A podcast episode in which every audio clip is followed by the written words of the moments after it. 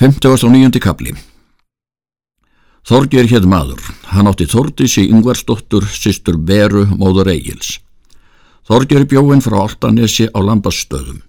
Hann hafi komið út með Yngvari. Hann var auðugur og virtur vel af mönnum. Sónur þeirra Þorgirs var Þordur er bjó á Lambastöðum eftir föður sinn þennan tíma er Egil kom til Íslands. Það var þá um haustið nokkuru fyrir vetur að Þordur reyðin til borgar að hitta Egil frænda sinn og bauð honum heim til Vestlu. Hafði hann látið heita möngátt út þar. Egil hétt ferðinni og var kveðið á vegust ef nokkuð og svo að var liðið bjóst Egil til ferðar og með honum ástjörður kona hans. Voru þau saman tíu eða tolf og er Egil var búin þá gekk skallagrimur út með honum og kvarf til hans áður Egil steg á bak og mælti.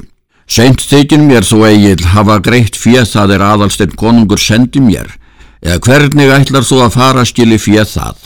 Egil segir, er þér nú fjöðfótt mjög fadir, ég vissi það eigi. Þegar skal ég láta þig hafa sylfur er ég veit að þú þarft, en ég veit að þú munt enn hafa að varðveita eina kistu að tvær fullar af sylfri. Svo þykir mér, segir Skallagrímur, sem þú munur þykjast stift hafa lausa fyrir með okkur. Möntu láta þér vel hugna að ef gerir slíkt er mér líkar að því er ég varveiti.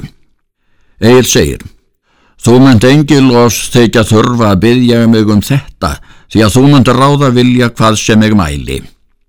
Síðan reyð Egil í brott þar til er hann kom á lambastadi. Var þar tekið honum vel og feginsamlega.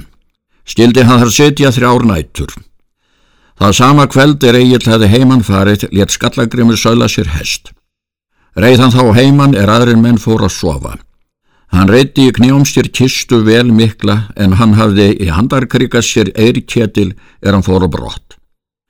Hafa menn það síðan fyrir satt að hann hafi látið fara annað hvort eða bæði í krumskjeldu og látið þar fara á ofan hellustinn mikinn.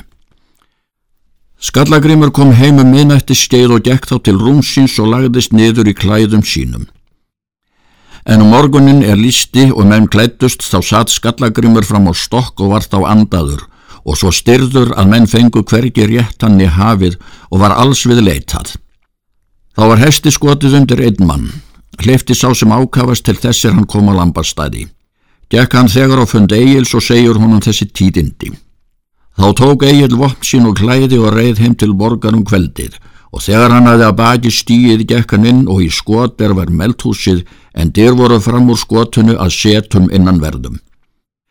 Gekk Egil fram í setið og tók í herðar skallagrimi og knikti hann aftur og bak, lagði hann niður í setið og veitti honum þá nábjargir. Þá baði Egil taka graftól og brjóta veggin fyrir sunnan og er það var gert þá tók eigillundur höfusluta skallagrims en aðri tóku fóta hlutin. Bára þeir hann þvert húsið og svo úti í gegnum veggin þar er áður var brotinn. Bára þeir hann þá í hríðinni ofan í naustannes var þar tjaldað yfir um nóttina. En um morgunin að flóði var lagður skallagrimur í skip og rói með hann út til Digrannes. Létt eigil þar gera haug á framavörðu nesunum. Var þar ílagður skallagrímur og hestur hans og vopn hans og smíða tól. Ekki er þess getið að lausa fyrir að væri lagt í haug hjá honum. Egil tók þar við arfi, löndum og lausum öðrum. Réði hann þá fyrir búi. Þar var með agli Þórdís, dóttir Þórólfs og ástjærðar.